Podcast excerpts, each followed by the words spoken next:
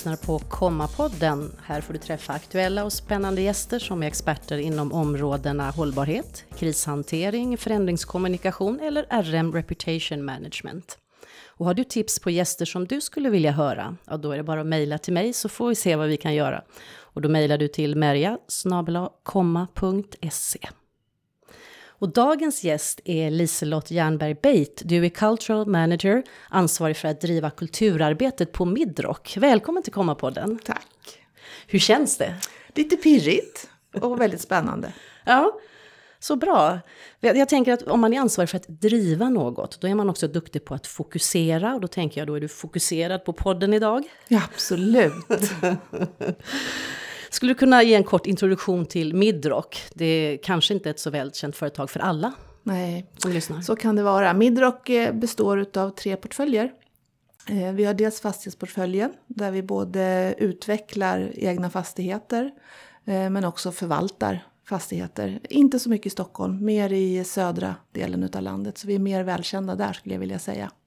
Sen har vi vår contractingportfölj som består av våra bolag som jobbar mycket mot industrin. Elektro är det största med någonstans nära i alla fall 2000 medarbetare. Och där kanske man har sett våra bilar som åker omkring. Vi har rätt mycket inom service och installation. Mm. Eh, och sen har vi den tredje portföljen som är vårt Midrock Invest. Och det är den minsta portföljen sett till antal personer. Men som omsätter en hel del pengar. Där vi investerar framförallt i ny teknologi som ska göra världen till ett lite bättre ställe. Hur länge har du arbetat på Midrock? Sen 2008 i januari, så det är snart eh, 11 år. Vad innebär din roll då att driva kulturarbetet inom företaget? Ja, det innebär så himla många olika saker. En av mina roller är att jag är ansvarig för vår affärsskola. Och det var egentligen så det började, att jag blev anställd för att driva ledarskapsutbildningar inom Midrock. Eh, man hade gjort ett försök tidigare, tio år innan ungefär, men kände att det var dags att ta vid. Man ville skapa en mer värde eller värderingsdriven organisation. Och då har du en utbildningsbakgrund också kanske? Ja, och så har jag jobbat med ledarskapsutbildningar. Jag var med och drev en utbildning i Norrtälje kommun som eh, hette Ledarskap och företagande inom turism. Där jag var ansvarig för ledarskapsutbildningen. Där vi också startade en annan chefsutbildning så småningom. Så att jag jobbade tio år med det innan. Och hur har ditt jobb förändrats under tiden du har, har jobbat i den rollen? På, på Midrock tänker du? Ja. ja. Eh, det började ju som utbildare. Eh, tog några år, sen blev jag rektor, som det så fint heter, för den här affärsskolan. Och då fick jag också börja anställa lite personal, så att då kunde vi ju driva utbildning på lite bredare front. Från början var det ledarskapsutbildning och eh, jag drev länge frågan om att vi skulle behöva en utbildning också för all personal. Det var min erfarenhet också från tidigare mm, utbildningssammanhang. Då, att utbildar du bara ledarna så kan de bli väldigt inspirerande. Men de har inte riktigt verktygen att möta sina medarbetare sen när de kommer hem och ska jobba praktiskt med verktygen. Fick du igenom det? Då fick jag igenom det. Det tog några år, men sen fick vi driva igång det här med medarbetarskapsdagar som jag tror har varit en stor framgångsfaktor för oss. Att man samlar ett antal tankemodeller eller verktyg och så låter man så många som möjligt få del av det. Så att det, var, det var nästa steg då, att, att ansvara för den här affärsskolan. Ja, och sen eh, två, tre år tillbaka så jobbar jag också i koncernledningen. Så det, har varit, eh, det var spännande år. Hur får du gehör för de frågorna i koncernledningen? Vad är dina viktigaste visioner eller ledord? Jag kan säga så här att det är egentligen våran VD och styrelseordförande som har brunnit för det här ända från början. Så att jag har ett väldigt starkt gehör och det är väl det som gör mitt jobb så himla roligt också. Att, att känna att jag har stöd. Och hela, hela ja, den organisationen som jobbar med det här känner att vi har ett väldigt starkt stöd i ryggen hela tiden. Och du har varit framgångsrik. Du har drivit arbetet framåt så att Midrock har blivit utnämnda till en av Sveriges bästa arbetsgivare mm. i en undersökning genomförd av Universum. Vad, vad betyder en sån utmärkelse? Just den här utmärkelsen betyder extra mycket tycker jag, för det är ju när medarbetarna själv får säga vad de tycker. Det är ju fint att få utmärkelser i, i, andra former också, men det här är ju ett bevis för det som vi har drivit från början egentligen, att vi vill inte gå ut med någonting. Vi driver inga kampanjer, utan vi jobbar inifrån och ut hela tiden. Kan man inte säga att det är ett kampanjarbete inåt ändå? Ja, fast vi vill inte gärna prata kampanjer. Vi vill prata om att liksom kavla upp ärmarna och möta medarbetarna och, eh, utveckla Midrock tillsammans. Det är egentligen det vi brinner för. Hur, tror du att en bedömning utifrån skulle värdera er? Och det är så himla svårt att svara på. Eh, jag vet att vi har blivit, eh, samma företag som, som ger oss utmärkelsen Sveriges bästa arbetsgivare har ju också benämnt oss som raketen därför att man ser att vi blir mer och mer välkända hos eh, nyutexaminerade och hos unga ingenjörer och så. Eh, jag tycker att det, när jag möter människor, det blir liksom min egen koll det där när man säger att man jobbar på Midrock. Det är fler och fler som säger åh Midrock, det har vi hört talas om, det verkar vara ett spännande företag. Mm, och få en positiv känsla. Och få en positiv känsla kopplat till det. Mm. Hur löd motiveringen för att bli en av landets bästa arbetsgivare? Kan du den? Nej, jag kan faktiskt inte den. jag vet. Nej, men du vet ju vad, vad, ni har jobbat med. Ja, det vet jag. Att var, och jag tror att det handlar mycket om att, det, det, får jag som ett kvitto också när jag träffar människor som har sökt sig till Midrock eller har jobbat ett kort tag. Att man har blivit dels rekryterad av någon som redan är på Midrock, alltså att det blir genom vänner eller genom bekanta. Men också att man pratar om det, att på Midrock får jag vara med och påverka. På Midrock är det okej okay att, att eh, skapa en egen karriärväg. Vi, vi har inga, inga färdiga liksom, karriärtrappor. Utan du får väldigt mycket vara med och påverka själv. Och, och, vi jobbar ju mycket med att du ska lyfta fram vad är dina drivkrafter, vad är du intresserad av, vad är dina styrkor. Inte så mycket att liksom eh, lappa och laga där det finns svagheter utan mer så här, vi, vi tittar på styrkorna och så jobbar vi därifrån. Det var en bra beskrivning. Mm. Vilka värderingar, du nämnde det själv förut, värderingar, mm. är det som medarbetarna vill känna samhörighet med? Vi har ju en ledningsplattform som vi jobbar mycket med. Och det här är nog också specifikt tror jag för Midrock, att vi brukar säga vi, vi, vi lägger vägen och kör på den samtidigt. Så att när vi startade det här arbetet 2008 då fanns det en tanke om att vi skulle bottna ur i medarbetarskap, ledarskap, affärsmannaskap. Det var de här skapen som vi pratar om. Då, de hade man mm. jobbat fram i de här tidigare programmen som låg tio år innan liksom i tiden. Men eh, våran oerhört intresserade koncern-VD och styrelseordförande vill ju sätta sig in i verkligen vad är det för verktyg ni tänker plocka fram? Vad är det vi ska jobba med nu för att bli riktigt, riktigt bra? Så att det var egentligen det arbetet som ledde fram till ledningsplattformen som ett sätt för att förklara för alla medarbetare varför vi gör det här. Så det är egentligen det som ligger till grund och då har vi våra kärnvärden där bland annat. Innovativ, kompetent och vill säga, professionell. Mm, vi brukar de... säga hjärna, hjärta, muskler och det beskriver rätt bra eh, vad, vi, vad, liksom, vad är viktigt för oss. Och så får man jobba runt och vad innebär det just för mig, för varje enskild individ. För det beror ju på vad man fyller det med, men det, det blir som en ledstång. Men hur har ni lyckats pricka in vad medarbetarna vill ha och behöver? För det kan ju vara skillnad ibland, man vill ha det här men man behöver något annat. Mm. Vi har ju rätt mycket dialoger. Det som jag tror är speciellt för oss som jobbar på den här affärsskolan det är att vi har förmånen att träffa väldigt många människor ute i produktion. Så det är ju inte så att vi bara sitter i styrelserummet och jobbar liksom längst bak eller bara jobbar med HR-nätverket utan vi är ju faktiskt ute hela vägen ut i produktion med våra medarbetarskapsdagar. Eh, och sen har vi ju intensiva utbildningar med våra chefer och ledare och det blir ju väldigt ofta så att det blir spontana samtal om vad är det som fungerar, vad är det som inte fungerar, vad skulle man vilja se mer av och vad kan man kanske plocka bort i takt med att man inför nya saker. Ni har ju stigit på rankingen år efter år. Mm. Nu får du skryta lite. Ska jag skryta nu? Ja. Då var det faktiskt så att 2015 så hamnade vi på en åttonde placering och det var vi jätteglada för. Så vi tyckte att redan det var ganska bra. 2016 så steg det till plats nummer fem. 2017 så hamnade vi på plats tre. Mm. Och 2018 på plats två. Och nu är ju liksom den nervösa väntan. Vad, hur ska årets resultat bli? För vi vill ju inte halka neråt. Nej, det är klart. Nej. Mm. Och det, spänningen håller i sig hela sommaren kanske? Ja, det gör den. Mm. Ja, då får vi se. Hur var utgångsläget när ni och du började med det här kulturarbetet? Ja, det känns ju nästan svårt att tänka tillbaka. Mm. De som jag, vi började jobba med, de hade nog en uppfattning av att de hade gjort den här resan.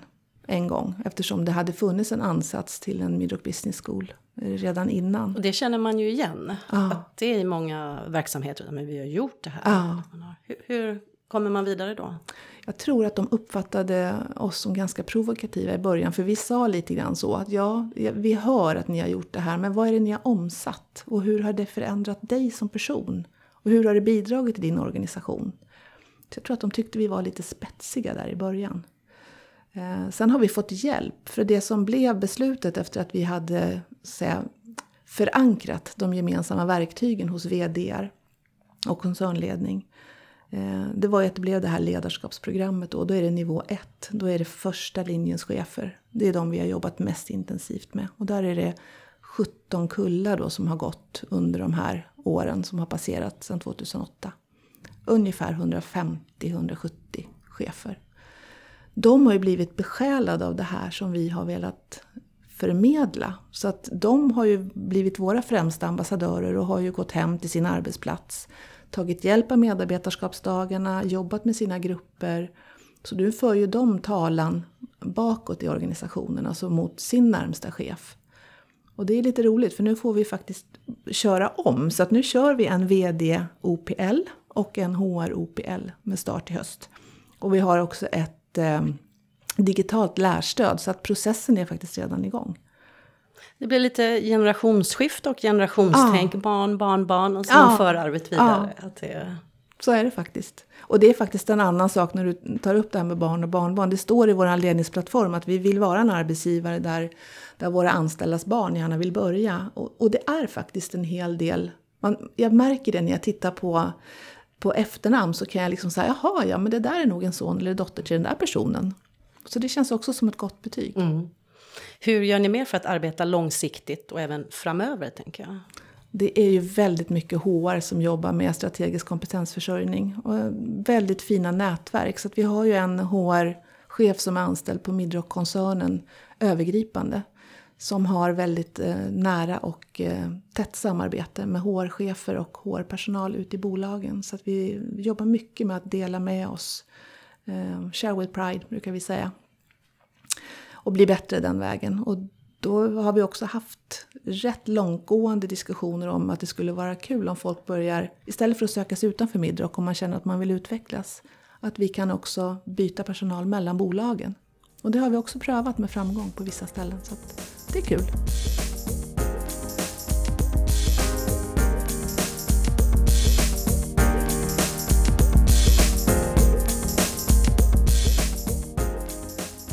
Är Liselott Jernberg Beit, Cultural Manager, ansvarig för att driva kulturarbetet på Midrock, som är gäst i Komma-podden idag.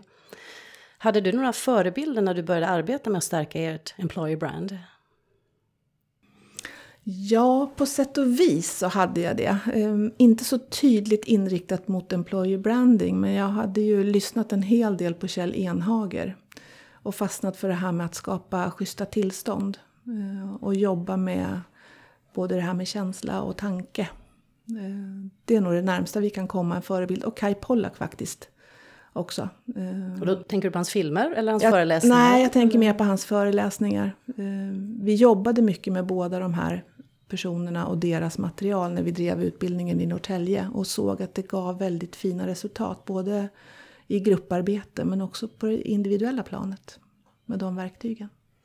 Och vilka verktyg är det, eller vad är det som de har? Ja, jag tänker, när vi pratar Kjell Enhager så är det ju mycket det här med att, att Man har skapa... hört honom föreläsa, eller ja, man kan ha gjort det. Mm. Ja, att skapa tillstånd och att, att faktiskt jobba med de hinder som man ser för sin egen utveckling.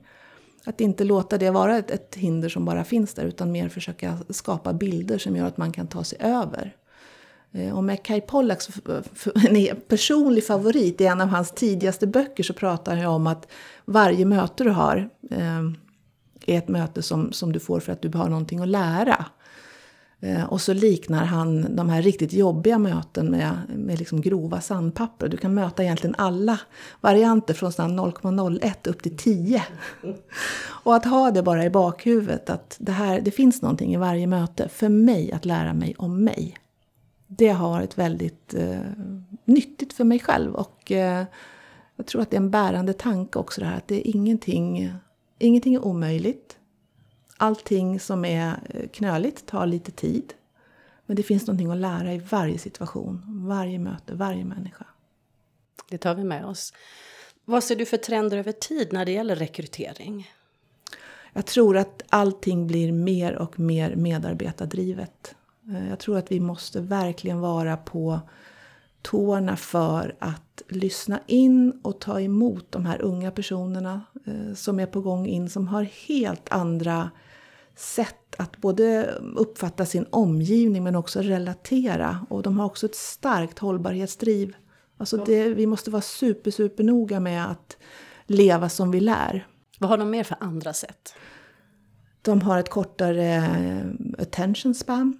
Jag tror att vi måste, jag som jobbar med utbildning, jag måste verkligen fundera på hur ska jag fånga deras uppmärksamhet? Hur ska jag få dem att tycka att det här är spännande, roligt, utvecklande?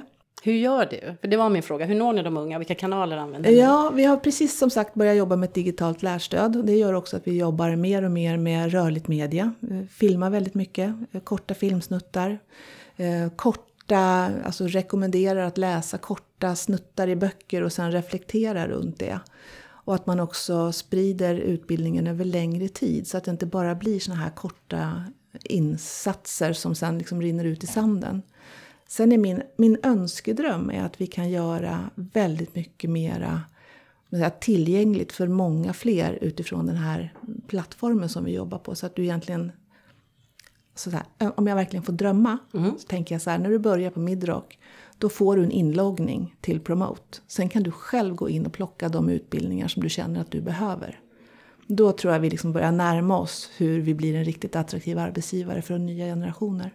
När är vi där? Om fem år? Tio år? Tre år? Fem. Mm. Och du nämnde att man, man jobbar gärna kvar på Midrock. Hur länge jobbar man? Oh, det är faktiskt, när, vi, när vi pratade om att jag skulle komma hit så satt vi faktiskt och pratade om vad har varit framgångsfaktorer. Och det kan ju vara både på gott och ont att folk stannar länge. Men om man pratar om det här kulturarbetet som vi har drivit, då, både med HR-chefer, eh, både på Midrock men också på alltså Midrock eh, övergripande men också på bolagen. Och eh, Midrock Support som ju jobbar mycket med det här utifrån sina olika, alltså både kommunikationsavdelningen, DA-avdelningen och så Midrock Business Skola. Så är det ju väldigt få personer som har slutat. Väldigt många har varit kvar liksom lika lång tid som jag och ännu fler har varit kvar ännu längre. För jag tänker som 50-åring idag till exempel, så ja. har ju nästan 20 år kvar på arbetsmarknaden. Ja. Så hur, hur når ni gruppen medelålders och äldre? Eller hur riktar ni er mot dem? Om ni gör det, det? Ja, det där är ju mer specifikt en fråga för HR, tänker jag. Jag har svårt att svara på den. Eh, jag vet att vi jobbar väldigt mycket och nästan uteslutande med våra sociala kanaler. Eh, Facebook har visat sig vara den bästa kanalen för oss. Eh, och jag försöker också peppa alla våra chefer att ha en väldigt uppdaterad profil på LinkedIn. Jag lyssnar själv en hel del på poddar och har plockat med mig en hel del från Svante Randlerts chefsnack. Eh, så det, det, är just nu min mission. Alla chefer jag träffar, du ser väl till att ha en uppdaterad profil på LinkedIn för annars kommer de inte ens att komma på intervjun. Så. Nej, mm. precis. Skulle du kunna ge tre handfasta tips om man vill arbeta med employer branding? Ja, eh, från vårt perspektiv med de erfarenheterna vi har gjort då så skulle jag säga att dels förankringen hos den yttersta ledningen, alltså ägare eller, eller eh, styrelse. De behöver vara med på tåget. Eh, sen skulle jag inte heller ha gett mig med det svaret jag fick i början att VD-gruppen hade gjort det här. Utan då skulle jag ha krävt att ska det här bli på riktigt så behöver vi göra ett omtag.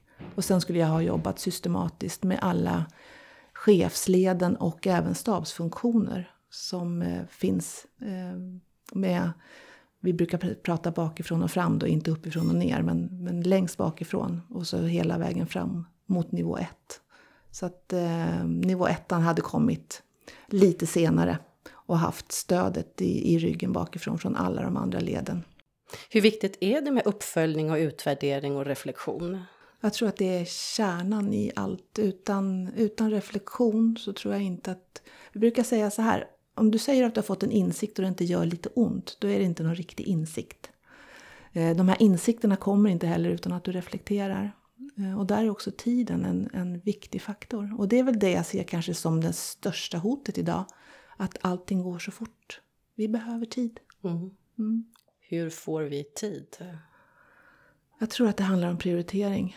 Eh, jag tror att det också är en av de här viktiga, viktiga sakerna. Att om vi jag tror vi måste, så här, måste bli ett hårt ord. Ehm, det sa Kjell Enhager också vid något tillfälle. Vi, vi måste två saker, vi måste bajsa och vi måste dö. Mm. Men jag tror att vi behöver välja att utvecklas hela livet. Ehm, och det har väl inte, annars så, så ger väl digitaliseringen tydliga tecken på det. Det går liksom inte att luta sig tillbaka mot gamla meriter utan du måste hela tiden se till att plocka på dig ny kompetens. Men för att kunna göra det på ett bra sätt och för att den ska grundas så behöver du tid att reflektera. Och då tror jag vi behöver prioritera. Det kanske går att prioritera ner mobiltid. Det kanske går att prioritera ner tv-tittande. Ta sig en stund, sätta sig på en stubbe i skogen. Eh, som var en av de sakerna som jag faktiskt eh, tog med mig från vår koncern-VD. Eh, att vikten av att sätta sig på den där stubben och tänka. Har du något, eh, en internationell utblick i de här frågorna också? Hur är vi i Sverige jämfört med andra länder? Den, den tydligaste kopplingen har vi, vi har ju lite bolag i, i andra länder också, bland annat Polen. Och där har vi, en, eh, har vi jobbat en hel del med grupputveckling. Och där blir det ju tydligt att vi brukar säga så här, skulle man kunna ta hälften av den svenska kulturen och hälften av den polska och blanda så skulle det bli väldigt bra. Därför att de är fortfarande otroligt hungriga om man säger så. Eh, jag kan, ibland kan jag tycka att, att vi i Sverige kanske är lite fat and happy. Vi har det väldigt bra. Eh, de är otroligt drivna. Eh, väldigt hierarkiskt styrda fortfarande. Och det är väl det som blir de tydligaste krockarna också när vi ska samarbeta och jobba ihop. Vi märker att det är, vi har lite olika ingångar i det där med självstyre och medbestämmande och så. Det är spännande att höra dig berätta. Vad var det som lockade dig till Midrock? För 11 år sedan? Jag hade, så här var det, jag hade träffat eh, Roger Wikström som är eldsjälen bakom det här. Träffade jag redan när han jobbade på Skanska. 94 stötte vi ihop på um, Kullängen Äventyr, heter en konferensanläggning ute i Vallentuna. Han var då väldigt ung och jobbade som chef Ehm, på, på Skanska och ville utveckla sin grupp och kom ut till oss eh, och gjorde en del övningar. Eh, och han tyckte det här var så bra så han kom tillbaka med flera grupper efter det. Eh, sen bytte han arbetsgivare och vi fick frågan om vi ville jobba med några av hans grupper på det bolag som han jobbade på då. Och det gjorde vi. Sen började han på Midrock och då fick vi frågan om vi ville skicka in en offert till det första programmet, det som alltså gick 99 till 2001. Då hade vi precis börjat på eh, Norrtälje kommun med de här utbildningarna och tyckte att vi inte hade tid. Så vi passade då. Sen försökte han vid några tillfällen till att locka så att vi blev faktiskt medbjudna på eh, en tillställning där han sa att ni, eh, ni behöver nog komma och känna på den där familjära känslan. Så då gjorde vi det. Eh, och efter det så blev jag lite mer intresserad. Jag hade lite fördomar från början. Jag tänkte, det, var... Ja, men det var mycket civilingenjörer, det var mycket tung industri. Jag tänkte så här, de här verktygen som vi jobbar med, de kommer ju att landa inte så, mm. kanske så lätt. Men det låter som du gillar utmaningar också. Ja, det gör jag. Jag tycker, ja, ja absolut. Jag tror man, det finns inget annat sätt att växa egentligen. Det är bara att kasta sig ut och testa. Det är semestertider. Har du någon favoritplats som du gärna åker till när du är ledig? Ja. Naturen på alla möjliga olika sätt. Jag har i flera år semestrat nere i Cornwall. Eh, och där har det varit väldigt rofyllt. Bara havet och den här ebb och flod som man får förhålla sig till. Och så här, nu vill jag ta en promenad på, på stranden. Nej, det gick inte för det var högvatten sitta på klipporna och andas lite. Mm. Och vänta tills och det blir vänta, dags. Tills, kan man få reflektera en stund. Men skogen, eh, en liten insjö, naturen. Tack så mycket Liselott Jernberg Beit, ansvarig för att driva kulturarbetet på Midrock, för att du kom till Komma-podden. Ja, tack så mycket för att jag fick komma.